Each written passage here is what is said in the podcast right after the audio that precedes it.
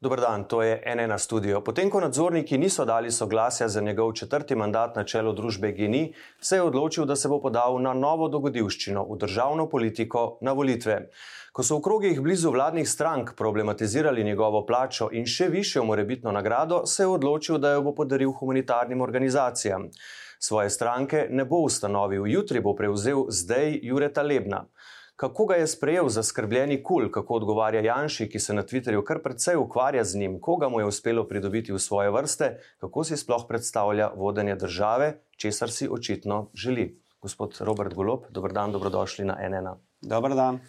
Prvič boste torej kandidirali za poslanca v državnem zboru, ciljate najbrž više, predvidevam, stanje v državi vas moti, pravite, politika je umazana, še več, tista na oblasti ni zgolj desničarska, pač pa gre za fašizem, ste rekli na eh, svoje okrogli mizi. Zakaj ste na to upozorili šele potem, ko niste dobili novega mandata na vrhu GNI, glede na to, da ste v politiki že od leta 98?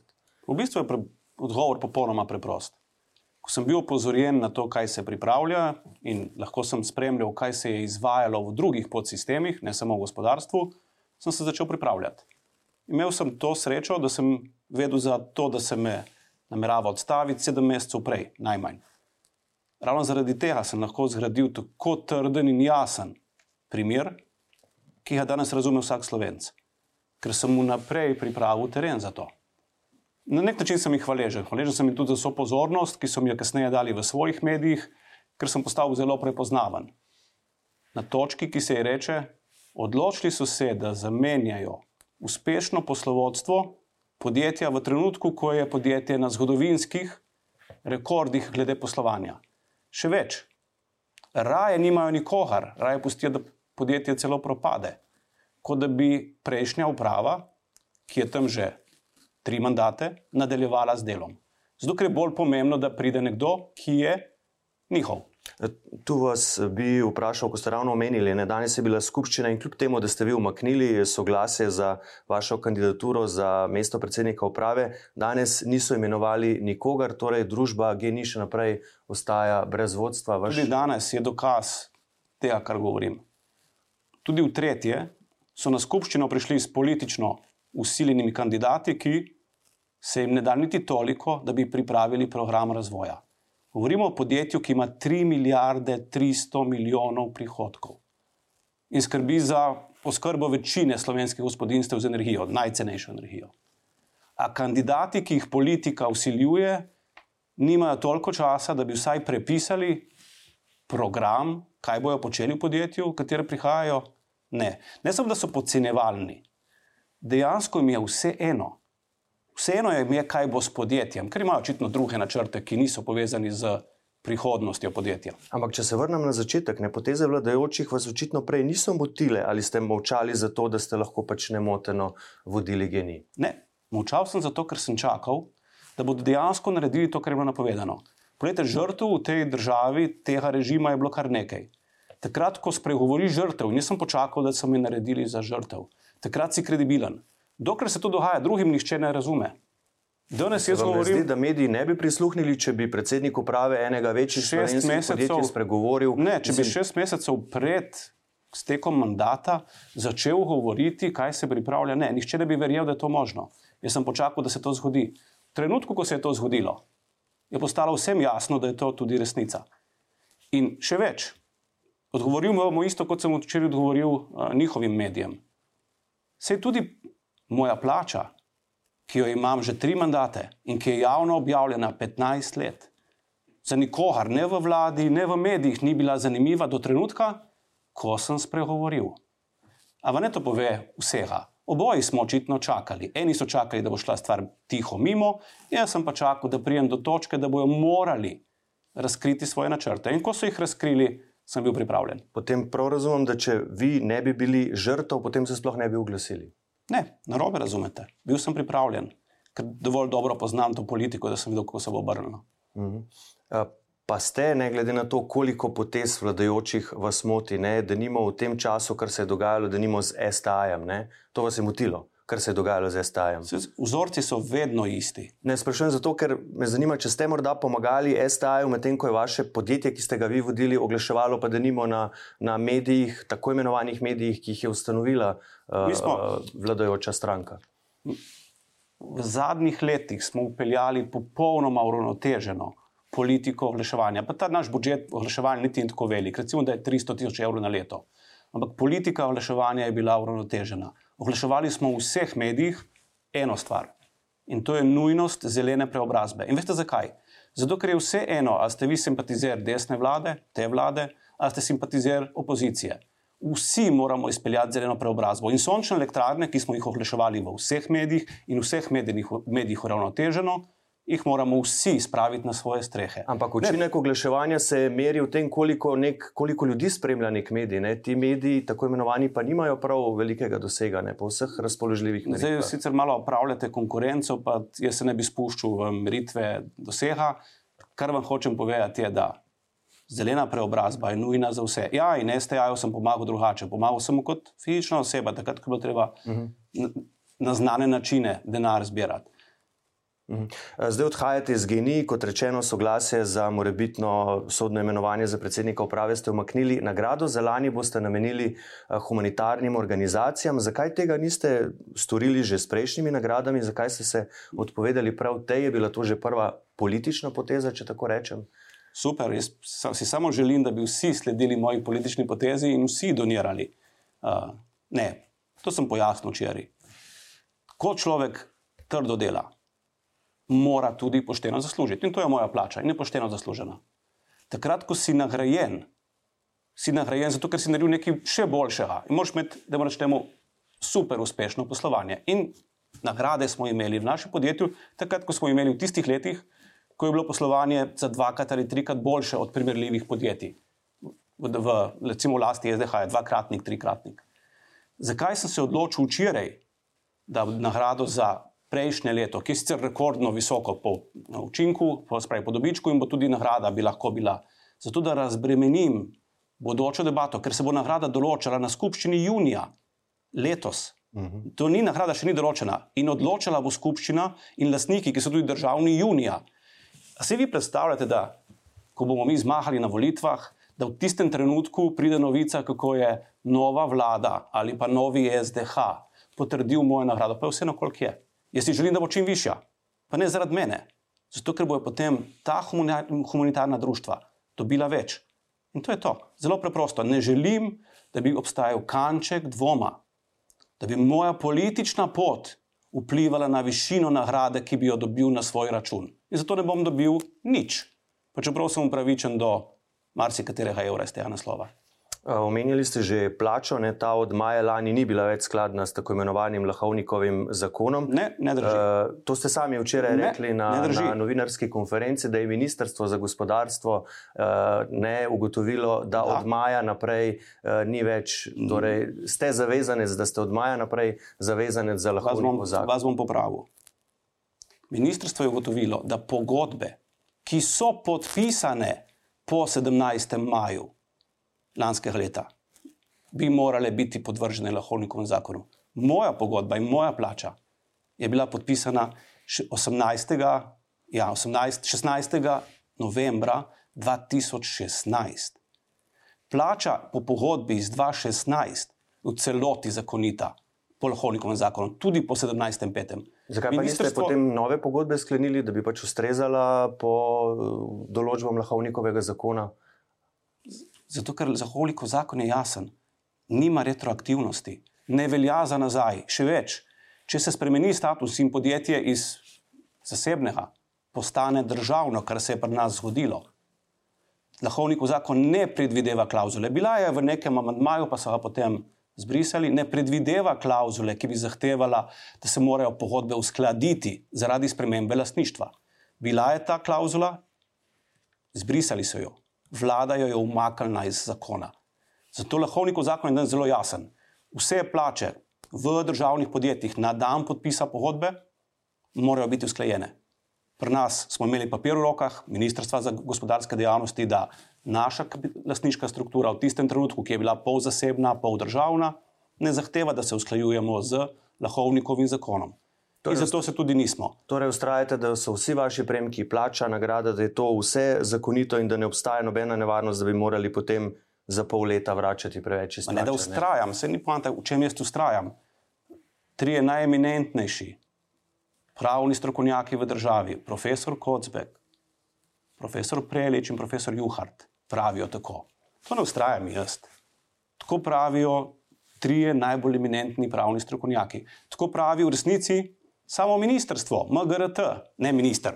A to so pravna mnenja, ki Uradniki. ste jih naročili vi? Uh, Vse vse, podjetje jih je naročilo, ne jaz osebno. Vse to je pomembno, zato ker ministrstvo je zahtevalo pojasnila od podjetja. Vse pogodbo ne podpisuje človek sam sabo. Na moji pogodbi ne stoji samo moj moj podpis, z mano podpisuje lastnik, skupščina. Oni so bili tisti, ki so naročili, da se tam na- pravna mnenja pridobijo, zato da so jih posredovali ministrstvu. In ministrstvo jih je v resnici sprejelo, ker v teh mnenjih piše to, kar pravite vi, da je do 27.5. vse pogodbe, ki so bile podpisane do takrat, so v celoti veljavne. In ministrstvo je reklo: super, da ste nam poslali pogodbe, ki so bile podpisane pred 27.5., ampak nobene nam niste poslali, ki bi bila kasneje. Vse je tudi dejansko ni bilo. Če pa bi imeli četrti mandat, v tem primeru bi pa potem naše pogodbe, in to sploh nismo imeli s tem nobene težave, bi pa morale biti usklajene s Polhovnikovim zakonom. In še enkrat, nismo imeli težave. In veste, kje je bila razlika? Ne, se to je pomembno. Razlika ni bila v plači, kar tudi vi govorite. pač pa. Razlika je bila samo ta, da Lahovnikov zakon prepoveduje nagrade za uspešnost. Lahovnikov zakon pravi, plača vaša je čisto v redu in moja plača je bila čisto v redu, fiksna plača. 6600, včeraj ste 6600, objavili da, eh, plačilno listo. Drži.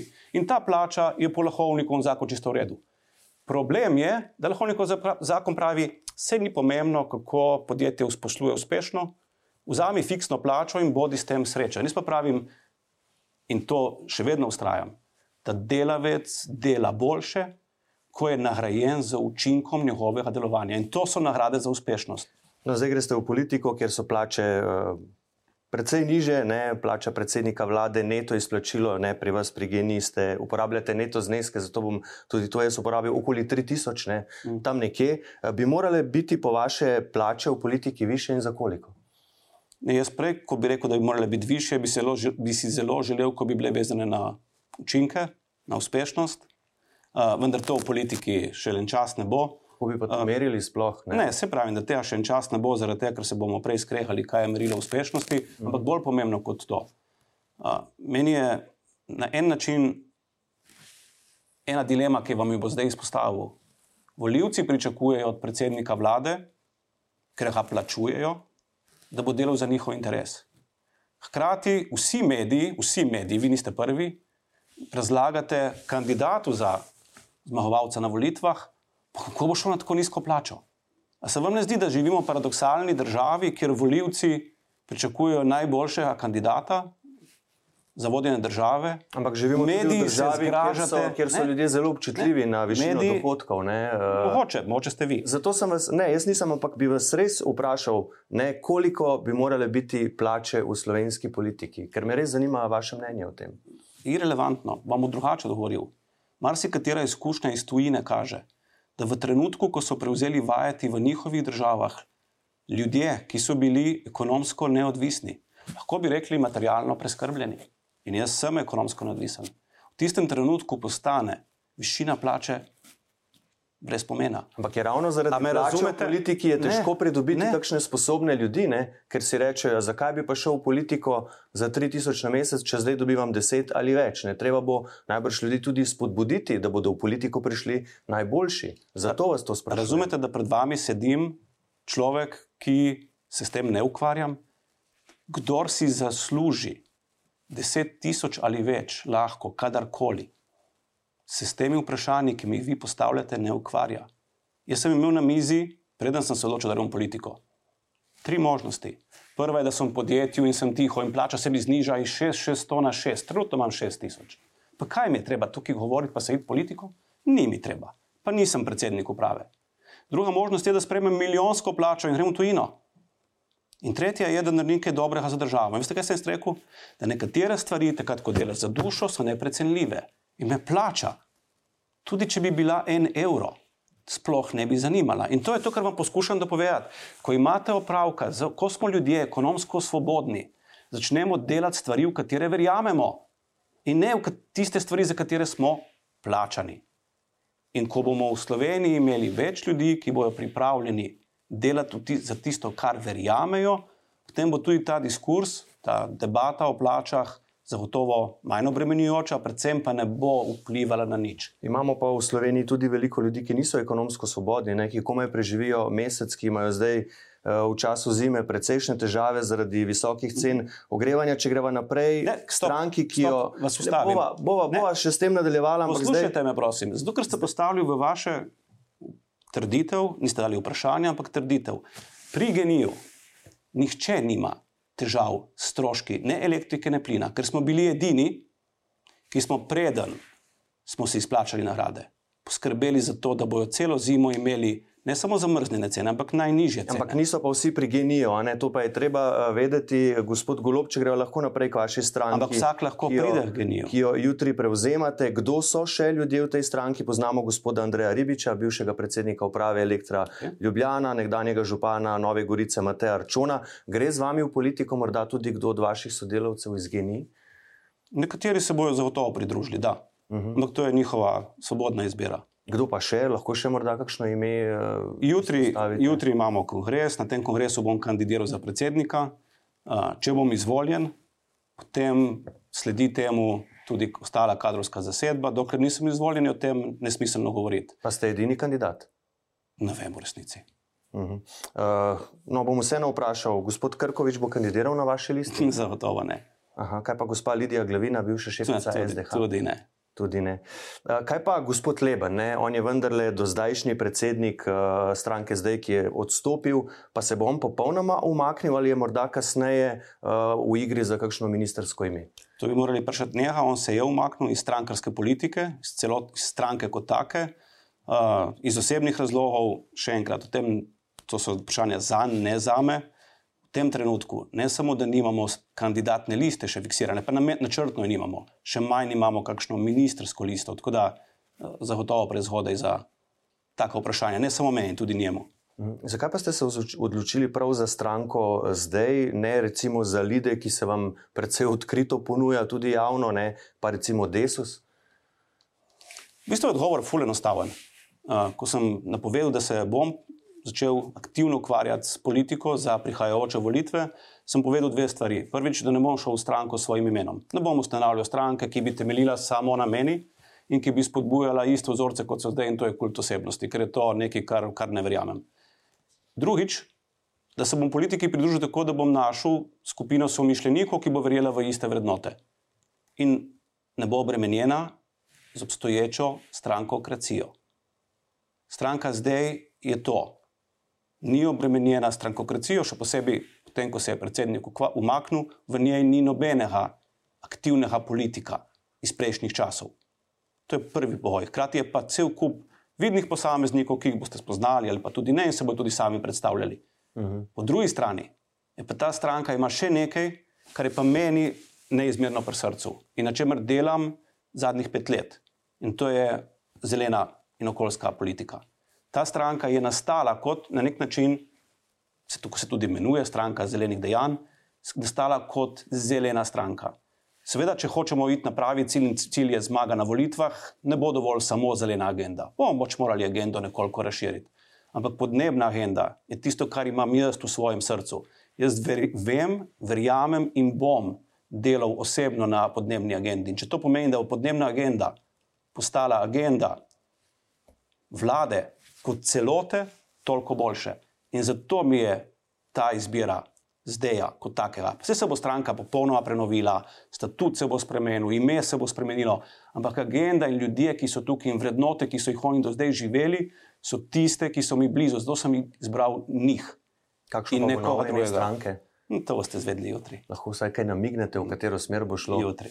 Dobro. Uh, pa bosta pri vas, o tem se je javnosti tudi že govorilo, do zdajšnja eh, poslanca Janja Sluga, Juri Lep? Ja, pričakujem, da se nam bosta jutri pridružila na kongresu. Mhm. Torej, Stranko sta že vstopila, da ja. sta že vstopila v stranko, ok, pa bo ta lista vaša kandidatna vložena potem s tremi podpisi poslancev, ta dva podpisa boste očitno imeli, ne? Uh, torej, pričakujete še enega ali boste vseeno zbirali podpise voljivcev za uložitev kandidatne liste? Ta odločitev je na svetu stranke, ki se jutri formira. Uh, jaz verjamem in bom zagovarjal, da bomo šli na zbiranje podpisov. Uh, lahko jim pa verjamete, da ne bi bil noben problem iti tudi po principu treh poslancev. Uh -huh. Torej, zbiranje podpisov voljivcev. Uh -huh. Pravite malo levo, malo desno, kaj bo levo, uh -huh. kaj bo desno? Ne, nisem tega rekel, spet ste me narobe povzeli. Tisto, kar jaz pravim, ne mediji, je, da v Sloveniji obstaja več svetov in ne samo levi svet, politični in desni svet. In da je ta delitev slovencev umetna in usiljena strani obstoječih strank. Jaz je ne priznavam, že na svojem primeru. In ko sem šel med ljudi in se z njimi pogovarjal, sem ugotovil, da obstaja tiha večina, skoraj 70% ljudi je to, ki ravno tako ne želi, da se jih predalčka levo ali desno. In ko jaz govorim o tem, da bo je treba zgraditi novo pot, ne novo stranko, novo pot, ki bo temeljila na vrednotah, obstaja, ste rekli. Ne? Da, nekaj, kar bo združevalo najboljše iz pola ljudi, ki živijo leve vrednote, in najboljše iz pola ljudi, ki živijo desne vrednote. In vsak pol ima svoje pozitivne vrednote, ker ključ je v pozitivnih vrednotah. In ko bomo mi uspeli postaviti tudi stranko, pa bolj pomembno je civilno gibanje, potem pa stranka kot, če hočete, politična odst tega. Ko bomo mi uspeli vzpostaviti tako stranko, ki bo temeljila na pozitivnih vrednotah in jih bo potem tudi komunicirala, potem bomo lahko res zbudili v ljudeh upanje na boljšo prihodnost. Brez tega, dokler bomo sledili obstaljenim vzorcem, ki v resnici spodbujajo bolj ali manj razkol znotraj naroda, se ne moremo premakniti nikamor. A potem se tudi ne boste učlanili v nobeno evropsko povezavo političnih strank. Ne, imamo liberalce ALDE oziroma Renew Europe, imamo socialiste in socialne demokrate, imamo EPP. Kaj se vam, vam, zdi, da, se vam zdi, da te eh, evropske povezave spodbujajo sovraštvo, pa jezo med ljudmi, pa razkol med evropejci? Tega še nisem opazil. Sem pa to opazil v Sloveniji, da to počnejo naše stranke sistematično. No, v kateri od teh evropskih povezav pa recimo se potem vidi vaša stranka oziroma stranka, ki jo boste jutri prevzeli? Se ste sami odgovorili. Stra jutri bom kandidiral na kongresu. A se vam ne zdi, da bi bilo samo všečno, ko bi zdaj že vnaprej, še preden sem izvoljen, diktiral celo evropske povezave? Ne, določene stvari bojo odločili organi stranke in prav je tako. Hmm. In, in jaz res verjamem v moč kolektiva. To poudarjam vse čas in genij, ki je najbolj uspešna energetska zgodba v zgodovini osamosvojitve Slovenije izrasil na moči kolektiva. Še danes, brez uprave, že tri mesece, deluje rekordno, poudarjam rekordno. To izhaja samo iz močne kulture in moči kolektiva. In verjamem, da ta moč kolektiva je tisto, kar bomo zasledovali tako v stranki in bomo, kot tudi kasneje v vladi. Samo skozi kolektiv, ne skozi usiljene enostranske, celo osebne odločitve ali mnenja, vi me pa zdaj vse čas vlečete za jezik, v mojem osebnem mnenju. Uh, seveda, zanima me ne, in tudi ljudi to zanima, zato pa sprašujem, imate štiri skupine, s katerimi že sodelujete, pravite, ne, po posameznih področjih, če sem prav razumel, z vami gredo v stranko zdaj. Če lahko malo več poveste, kdo, katera področja pokrivajo te skupine in kdo jih vodi. Ne, ne gre za to, da bi obstajale neke organizirane skupine, gre za štiri popolnoma nepovezane skupine ljudi, ki smo jih spoznali skozi delovanje civilne družbe. Nekateri od njih so se predstavili na naših tribunah, nekateri niti še ne. Zdaj se bodo prvič spoznali med seboj, jutri se bodo prvič spoznali med seboj.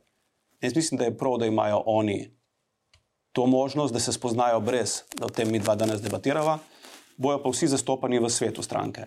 In to je tisto, kar je najbolj pomembno. Spravi, prvi korak je, da združimo ljudi, ki so v resnici neobremenjeni s sedanjim stanjem političnim. In to je tisti prvi korak. In te štiri skupine so neobremenjene. Niso, torej, če prav razumem, skupine na posamezna področja razdeljene. Ne, vem, na ne še več. Vam dal primer, vam dal primer zelene uh, politike. Zdaj je že do zdaj imel svoje poglede, ki so dovolj blizu mojim na področju zelene politike. Ampak šele po kongresu bodo strokovne skupine vseh teh štirih interesnih skupin se združile in začele delati na programu, ki bo usklajen. Danes ima vsaka svoj pogled. Nekateri so bolj usmerjeni v zdravstvo, drugi so bolj usmerjeni v, v okolje, tretji mogoče v mlade ali pa v medgeneracijski dialog. Jaz sem vam že povedal glavne usmeritve, ampak dokler se ti ljudje ne usedejo, je škoda, da o tem govorimo, kaj bo. No, če mogoče lahko vendarle rečemo, kakšno o zdravstvu, ki je zdaj pač v spredju, že prej je bilo, zdaj pa še sploh zadnji dve leti, odkar traja epidemija. Kako bi vi upravljali z epidemijo v tej fazi? Bi zapirali gospodarstvo, uvajali obvezno cepljenje? Ne na zadnje, kako umiriti ta razkol? Dobili smo novo delitev, ki je doslej nikoli še nismo imeli med cepilci in proticepilci. No, me veseli, da ste mi dali v resnici že v vašem vprašanju rešitev. Prva stvar, ki jo treba narediti, je pomiritev med ljudmi. To je prva stvar. Brez pomiritve so vsi ostali ukrepi neuspešni, ker jih ljudje ne spoštujejo. In pomiritev med temi, ki so cepljeni, jaz sem tudi cepljen, da ne bo nesporazuma, in temi, ki niso iz bilo katerega razloga, je prva stvar, ki jo moramo narediti. Vse ostalo mora slediti temu. In če me sprašujete, ali sem za obvezno cepljenje ali ne, nisem za obvezno cepljenje. In zakaj ne? Ker sem prisluhnil stroki. In stroka je glede tega dovolj jasna. In obstaja pa še tretji element, in v katerega pa res verjamem, tudi osebno, in to je podatki. Danes je na svetu dovolj podatkov da se da začrtati bolj smiselno strategijo, kot jo uvajamo pri nas. Teh podatkov iz držav, ki so pred nami, Izrael, Danska, Portugalska, je dovolj, da znamo začrtati, da zna stroka začrtati program, ki pravi najprej pomiritev, potem ukrepi na podlagi podatkov. In mogoče bo zelo v to upam, bomo čez šest mesecev ugotovili, da smo se te more končno znebili. Kako pa bi, da nimo, hitro dosegli večje število zdravnikov, ki jih nujno potrebujemo, ali podpirate zadnjo spremembo pri njihovih plačah, ki je bila kar s PKP-jem sprejeta, ko je bil plačni strop 57. razred odpravljen? In s tem, seveda, veliko slabe volje v ostalih. Sredstva prej govorila, da bodo se strokovne skupine šele sestale, zagotovo bomo imeli tudi mnenje stranke, ne moje osebno, uh, in takrat bomo lahko o tem ustrezno govorili. Mhm. Torej, tudi vas potem ne moremo vprašati, kaj storiti z zasebnim zdravstvom, kako izkoristiti vse mogoče kapacitete, da ne bomo čakali in ali plačevali za storitve, in nevarnosti, ali bi pri tem prišlo do privatizacije zdravstva. Ma, si bom drznil to reči, da seveda sem zagovornik javnega zdravstva, ampak zagotovo ne take, kot ga imamo danes. In jaz sem pripričan, da tudi vsi ostali zagovorniki javnega zdravstva bojo povedali, da žal to, kar imamo, čakalne vrste so najlepši primer tega. Ni tisto, kar pričakujemo od javnega zdravstva. Ampak rešitev ni v privatizaciji. Zdaj bomo pa to prodali, pa bo vse se rešilo, da se ne bo rešilo. Rešitev je v popolni reorganizaciji sistema delovanja. Po principu pozitivne podjetniške kulture, kulture vrlin, če hočete, in odgovornosti. Kako bomo to upeljali, dolgo bo trajalo, naporno bo, ampak obstajajo primeri iz sveta, da je to možno tudi v javnem sektorju. Rekli ste, podsistemi, državni podsistemi lahko uporabljajo lekcije iz gospodarstva. Katere? Ne samo iz gospodarstva. Vse, vse sem jih ravno kar povedal. Uh mhm. -huh. Pozitivna kultura, kultura vrlin, po, pa, pozitivne vrednote, kultura vrlin in učinkovita organizacija. In odgovornost posameznika. Začne se pa na začetku na pozitivni in to je spoštovanje. Ko se bodo ljudje med sabo spoštovali, vsi, potem bo to dosti lažje upeljati te lekcije, o katerih govoriva, si jih ni izmislil genij. Mi smo jih implementirali in pri nas so dali fantastične rezultate. Ampak niso prišle iz gospodarstva ali pa niso uporabne samo iz gospodarstva. Vsi podsistemi. V Združenih državah, ne samo represivni sistemi, prav bolnišnice so najlepši primer, kako se lahko ti sistemi, uh, pardon, ti organizacijski prijemi uporabijo na pravi način. Vlaganje v zeleno in digitalno, pravite, zelena delovna mesta, katera so to, kako bi jih spodbujali, kako bi jih ustvarili. Bomo imeli zdaj zelena delovna mesta, jih moramo imeti povsod. Katera so to, kako jih spodbujati? Dobro, nisem ravno razumel vprašanja, ampak ne za to. Rajko, da bi govoril o tem, kako jih bomo ustvarili, bo naj povedal, kako smo jih ustvarili. Genij je v zadnjih štirih letih ustvaril 300 delovnih mest, zelenih z dodano vrednostjo 250 tisoč evrov. To je petkratnik povprečja dodane vrednosti v Sloveniji. Torej imamo dve poti. Naredimo še nekaj. Popolnoma nared... prekopirati model genija na. na Se jaz vidim, državo. da ne verjamete, ker niste naša stranka, ampak moče postanete naša stranka, pa boste bolj verjeli. Kaj vam hočem povedati? Dovolj je, da vsako leto ustvarimo en genij, pa bomo imeli kar nekaj tisoč delovnih mest zelenih. Ampak ni poanta, da so zelena. Ste me slišali za dodano vrednost? To so delovna mesta za mlade, To so delovna mesta, ki so dvakrat boljše plačana od primerljivih, in to so delovna mesta, ki generirajo bistveno večjo blaginjo za širšo družbo. Mm. In ravno to, da moramo preusmeriti tista pičla javna sredstva, ki jih imamo za investicije, stran od vzdrževanja obstoječega stanja, slabo plačanih delovnih mest, ki, uporab, ki unesnežujejo okolje ali celo uničujejo okolje, in ljudje v resnici komaj da živijo, kljub temu, da delajo, mi pa to podpiramo skozi subvencije. Ne, tega ne bo več, tega ne sme več biti, če hočemo biti med zmagovalci globalne bitke. Mhm. In to je zgodba genija, ki bi jo želel, da se jo ne skopira, da se izkušnje in lekcije prenese tudi v ostale podsisteme. Naprimer, v javni sektor ali pa vsaj na upravljanje državnega premoženja. Pa se vi veste, da imamo, da SDH upravlja z velikim državnim premoženjem. Celo mi smo se znašli proti naši volji med tem, z nacionalizacijo, ampak nihče pa ne sledi tem pozitivnim izkušnjam, ki jih je pa genij zelo jasno demonstriral. Kaj pa pomeni to vlaganje v ljudi? Nekaj tega ste ravno kar povedali, ampak ali to pomeni tudi više plače, koliko bi denimo po vašem morala znašati minimalna plača v Sloveniji, zdaj se je ravno kar dvignila za 4,9 odstotka. Tudi da se je dvignila se zaradi inflacije, razumem in pravilno. Zaradi življenjskih stroškov. Da, to je pravilno, ampak ne, eh, ne, ne govorim o tem, koliko bi morala biti plača. Govorim vam, koliko je treba ustvariti. Problem ni, plača, plača vedno sledi ustvarjeni dodani vrednosti. In mi moramo šolskega kurikuluma. Ne, ne, ne, ne, ne, včasih najprej je treba denar ustvariti. In boste videli, da obstajajo načini, kako se ga da ustvariti, sem, da se, ga, se jih nihče ne poslužuje v tej vladi. Mhm. Obstajajo načini, ki so popolnoma legitimni in ki, ko bojo prišli na dan, bo rekli: Madonna, zakaj se pa tega še nihče ni spomnil? In ko bomo zgenerirali delovna mesta z dodano vrednostjo 100 ali 200 tisoč evrov, v geniju imamo 250 tisoč evrov, potem bo plača Popolnoma logično, da ne bo minimalna. Minima, nismo imeli nikoli v 15-letni zgodovini nikogar na minimalni plači. Ta kategorija za nas ne obstaja. Obstaja pa nekaj drugega. Da imaš fiksno plačo, ki je primerljiva s konkurenco, potem pa imaš še variabilni del. In plačilo po učinku je ključ do izhoda iz tega, kar me vi sprašujete. Zato, ker je prav, da je bolj nagrajen tisti, ki več ustvari. Kako pa krotiti inflacijo? Ne? Decembra je bila skoraj 5 odstotna, bo treba v prihodnji vladi po vaše vrčevati, uh, sprejeti kakšen ZUJF, da bi se začel ta javni dolg uh, v Sloveniji zmanjševati. Ne? Tudi lahko, se, da bodo obrestne mere prihodnje leto ponovno začele rasti, ne bo se več tako zasipalo uh, podjetij z denarjem, kot se je to počelo zdaj, ne? ta ekspanzija in tako naprej. To je verjetno, ste me zamešali s kom, to, s predsedanjem predsednikom vlade. Verjetno bi bilo to fajn nekaj. Sprašujem vas za, nasled, za naslednjo vlado, ne, kako bo ja. morala ravnati, če boste vi v njej. Edina pot iz sedanje situacije ni v rezanju, kar tako nasplošno. Edina pot iz te situacije je v ustvarjanju nove vrednosti. Pa se to vam govorim že vse čas. Če ne bomo začeli ustvarjati nove vrednosti, se ne moramo ven iz tega z nobenimi zuifi mhm. izmazati. Kdaj pa bomo ustvarjali vrednost?